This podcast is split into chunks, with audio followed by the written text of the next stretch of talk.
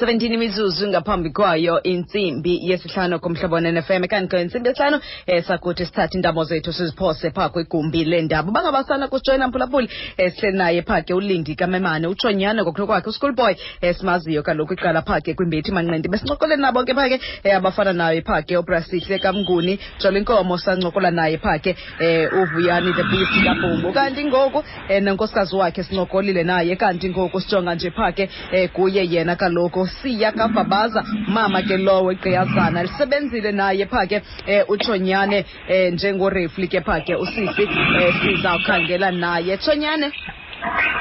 hayi enzo ndirhala ukwazi mna into yokokubana yeyiphi into ocinga into yobana mayenziwe uqinisekisa into yokokubana eh ayibhangi iboxing kwelo mzantsi afrika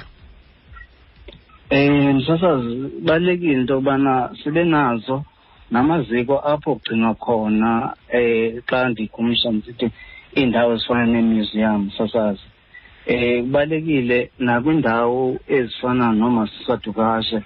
kube khona noba sisitetywa ngoba ibhoksa eyaziwayo isikakhulu apha e-, e-, emonto emdantsane nguhappy boy mxhathi sibe khona pha xa ungena ziinto esizinqwenelayo ezo so that sikwazi ukugcina le mbali nale history um yalapha eh, emonti um msasazi ndingayanga kude ndikhumbula kwamnyaka yolwa nomfundisi um umakepola siyolwa ngapha enew york um phana kukho enye holo elikhulu phaa kuthiwa yi-madison square gardens imbali endayibona phaa kwelaa holo msasazi yho mm. ayiyayiye zonke iishoti zokuqala ujack dams ujoe lewis oojoe fraser oo ndibala ntoni msasazi yonke yonke imbali i-artifact msasazi ibhoti ikawusi ii-gloves iigawun zabo ziphaa kwelaa holo so nathi siyabongoza kwabaphetheyo um msasazi naseburhulumenteni msasazi into yobana mhlawumbi sike siyiprioritize le nto yokubana sibe nayo nento ebumuseum ekhoyo apho sokwazi ukugcina khona imbali yethu msisapho ukwenzela into yokubana amanqindi ethu angazafe phofu msasa wasozafe kweli cala mm. njengoba esetshilo ubhujiyani into yokubana besinamanqindi enxarhuni besinamanqindi nalapha erhubusana e-amatshazi msasapho i-amatshazi alapha zibhushi nje ingazi-professional wow Alright. Eh kanye kuloo ndawo Chonyane ukhona uMrs Boy. Masikwamkele emnxebeni Mama uVabas. Eh inkosi kakhulu msasazi mandithatha ithuba ndibulise kweni ndibulise abaphulaphuli bomhlobo wenene. Ndibulise the former WBU champion the school boy Memani. Wow. Ngosi seya. ndiqinisekile siso sebenzile naye kakhulu njengaye pha ke um pha ke yena ke urefli um eh, umazi ukusuka nokuhlala utata umemana ndisebenze kakhulu nalo bhuti esuke ebhayi efike eyethu Eh bendicima mna ke uba ukazi ubhutsihle uzawachaza uwalilwe amadabi kakhulu u-school boy and um i think into yayisegameni isikolo ebesithanda kakhulu amanqindi ebe-eksela kuwo elona lona dabi mabini endingasoze ndiwalibale akhe ulwile noskali okokuqala mm. wabuya waya kwi-drawing board njengamntana esikolo wayonza izilungiso waphinda wayowulwa noskali wamwina okwesibini and eh, elona ke dabi elalithandwe kakhulu lakhe uschool boy yayihlekisa because ulindi msasazi ngowase ngowasebhayi originally he was fighting u uphindile ngingi uphindile ngingi ngowasemonti ubheyise ebhayi uphangela ebhayi so kusukwa emonti ke msasazi kubhekwa ebhayi kuyowuliwa kulwa uschool boy memani fighting from a yethu emdantsane nophindile ngingi wasemdantsane obased in p e icinge ukuba injani ke lo lo lo lo vice versa ke msasazi kwaliwa enangoza jebe uh, ben centenary hall ebhayi msasazi yayilidabi usayibuza nangokuloo fight usandibuza yonke imihla uba kwezi archives zam ide ibe thina le fight yakhe nongingi um inintsi into endinoyithetha ngaye neboxing yakhe icareer yakhe up to ayoba yi-world champion uschoolboy ulindi memane kodwa eyona nto ebeyithanda kakhulu sisikolo more than anything else he was so fortunate ukuthi ke ngoku uthixo xa emdibanisa nomntu adibane with this childhood friend of mine engunkozayi bahambile ke nonkozayi bezenza izinto ndinayo nento endifuna ndingayifuni le relationship ndithi eyi bona nje nkozi hayi uzasiqhelisa kakubi ngezibhox andifuni into okuqhelwa ziibhox andingurefri ntontontontoni so ebeyirespektha ke loo nto kakhulu ke ulindi eyazi uba andiyotshomi yakhe xa siseorient nditshomi yakhe xa sihleli sisonke and i think uthixo umphe a, a, a good wife uthi umuntu ozawuunderstand i-boxing umuntu oyithandayo i-boxing badlulile ezintweni and uyilinde besemtsha igazi lisabaleka and bezenza into zakhe but bebehlala xa kukho ii-differences bathethisane funeka ke ndiphinde ndingene phakathi kwabo ndirefre uzawuthi ke xa echatha ke enkosi hayi eyi nkosi hayi bona nje ayikho yonke le nto bona nje nkosi hayi eyi nkosi hayi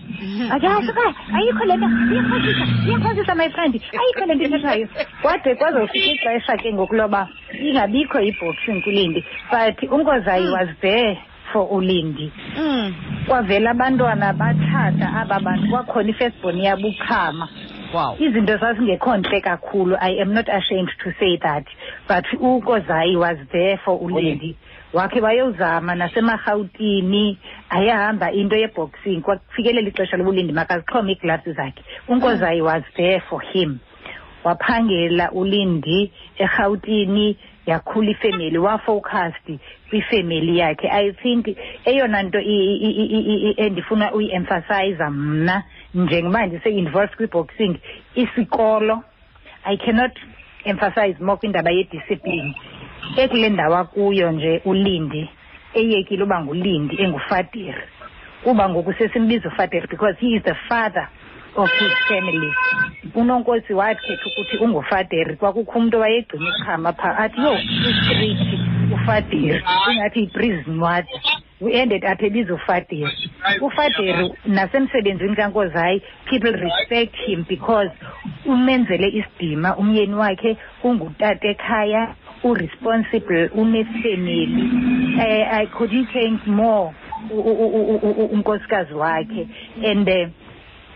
eyona nto ingamandla idisiplini yakhe imsustainile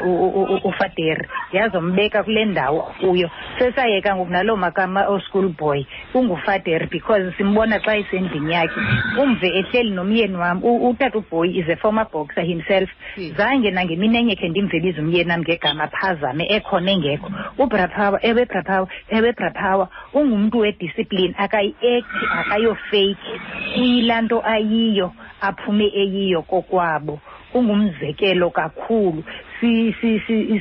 sinebhongo ngaye as a result the way we are so close ii-families zethu that is my family nefamily yakwamemani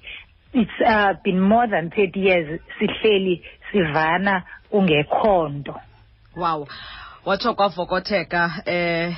sisinamoboyi mamopuri maninzi amagama wakho eh uhlobo othetha ngalo uthetha kamnandi eh kakhulu ndirhala ukwazi ke mna ke thonyana uba kanjani xa kuncokolwa ngohlobo ngomntu noko wayengurefule kwahlukanisa eh sithi noko siya ngamandla yangoku yenza ngohlobo ndirhala ukwazi uba uziva ngoluphi na uhlobo thonyana Wow, wow, wow, wow. Oh, umama ubhoyi ibe kwacaca. Eh umama ubhoyi wow wow wow wandifunela isikolo because andinolibala uxolo uxolo fadiri kule nto ka-school boy bendizawuthetha le nto yegama waya esikolweni ke yigraduate ke le kwezi bhoki sasinazo une-national diploma kwi-sport administration and marketing xola ngokungena emlonyeni sonyana ethetha ke okay um inguye le nkosikazi so bandicenga bathi hayi mani um imini yonke awutreyini ungatreyini nje noko unosebenzisela xesha lakusasa then ngofo ke ngoku ayi-five ubheke ejimini mm. nyhani ndahamba nabo sobhalisa esikolweni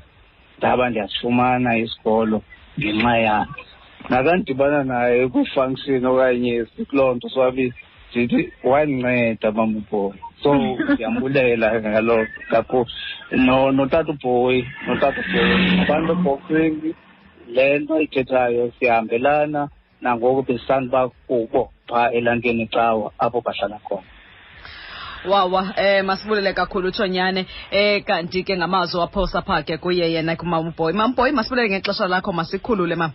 nkosi kakhulu msasasa olrayithi ke masibulele phaa ke kumama ubhoyi um eh, tshonyane Anjo. Eh ndirhala nje eh ukwazi into kokubana athini amazwi akho kwabhekisa kwimbethi manqindi ezisakhulayo eh kanti ke khona ke nomnye ke ufuna nje ukungena ngaphambi kokuba kuphendule ke umbuzo wam khona nje nomnye ke ufuna ungena kuphosa nje amazwi amabini eh apha ke kuwe eh masimkhangele simjonge into kokubana ingaba ukhona kusini na eh kodwa ke ndicela ubuyicinga ke phaa kumbuzo wam amazwi ofuna ukuwabhekisa kwiiboxers ezisakhulayo kwelo mzantsi afrika ingakumbi nezingamagqiyazana ezisakhulayo ezifuna ezibone kuni into yokokubana inqindi yinto noko ethathwa njengesport kwelo mzantsi afrika and inqindi yinto noko ekukususa kwizinto ezingakhiyo apha ehlabathini kodwa ke ngaphambi koba ke eh, undiphendule nje lo mbuzo masikhangele nje pha ke eh eh okhona ke pha ke ndiqinisekile ubhalile ngawe kakhulu masamkele masule emoyeni ndiyabulisa ndiyabulisa yonke kunjani ndiyaphila nkosi unjani ndikhona kakhulu sisi ndibhale kakhulu ngalo mfana ndibhale kakhulu manikani mkhoyo mkhahlele school boy siza kudla ndoda sakudla ubungasixeleli ubuzawuzapha ndoda singene sonke siyayazi uba isigqubu sebisiphi ke thina ke sakudla ndoda yazisasazi yebo akho mntu bekunzima ubhala ngaye izinto ezicontroversial ingathi nguschool boy mm. uschool boy akasoze akunike kwanto ezawubangela uba ubhale izinto ezingekhoyo ngaye mm. uschool boy upholile what you see is what you get akasoze umve uschool boy kuthiwa ebebonwe endaweni ethile erongo waze wabethana nomntu okanye mhlawumbi kwishibhini okanye kwezo nto ezinjalo uschool boy ngaba bantu uba ngaba uyambona akho yimbi enye into onothetha ngaye ngaphandle kwenqindi kunye nediscipline tu uyabona ezi boxers zikhoyo wena sisi nyhani xa sizintatheli ukubona uba ngamanye amaxesha uthi usazihlelele uve kuthiwa ye nanku ubani phaa entontondi ndibethwa nomntu nanku ubani ubani mm. phaa entontondi soze uyifumane kwi-school boy loo nto leyo soze mm. into oyibhala ngo-school boy njengoba uyintatheli nguye nenqindi lakhe qha uschool boy ukhula usuka kwasaa sikolo sifanele esoviyana ibhongu nowelcome ncitha aba inatsika into onoyithetha ngabo iboxing um eh, iboxing yabo qha idiscipline yiyona nto iphambili ndidla ngoti xa ndithetha mna eh, nantsika wena wena sisiwa iboxing emonti is not even a sport yes ireligion mm. ireligion yaziwa nangubani na uyabona ke bangaba ufuna bobana abana abantu bazii-pioneers zaloo religion ngoo-school boy aba nooviyane kunye nowelcome akho imbe yinto eloze ndiphinde ndiyithethe ngoo-school boy masibuleleke kakhulu ngexesha lakho nguta ndiqinisekile uncumile izidlele noba zibuhlungu utshonyane encumile um masikhulule emoyeni inguta olrayithi ndicela nje uphendule ke laa mbuzo wam um eh, tshonyane into yokokubana ingcebiso ingcebiso nokuzibhekisa kwiiboxers ezisakhulayo tshonyane ingakumbi nakumagqiyazana um eh, msasazi okokuqala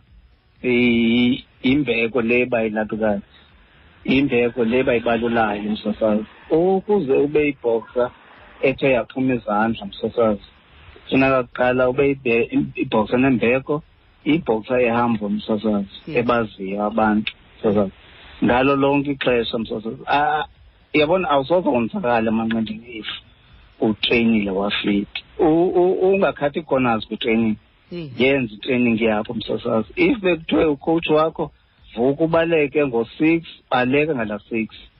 ubuye msasazi thina sasesitende kathathu ngelanga uphinde mini msasazi uyokwenza into zakho uphinde nalate i'm telling you sawuba na-more world champions khona kweli phondo mm. yiloo nto ndithethayo into yokubana if uziphethe kakuhle awudibani neento ezophukayo awudibani neento ezitshayayo awudibani no uhambe ebusuku uhambe uhlala kwezi ndawo zobumnandi ndiyakuxelela msasazi ikamva lakho siqhakazile manqandini because nathi sibone kobhuti welcome sibone kobhuziyane sibone kombulelo bhotile sibone kohokmakepoli into yokubana imbeko nediscipline iyamsustain umntu until kuthi kube leli xesha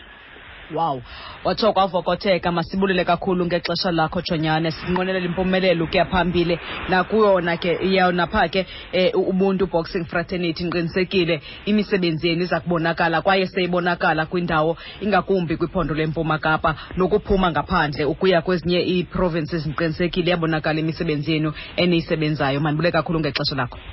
enkosi siyabulela nathi kumhlobo wenene ngosinika yethu nangamso olright ke mphulaphuli masibulele phaa ke kuye yena ke utshonyana schoolboy ke gama lakhe lasemanqindini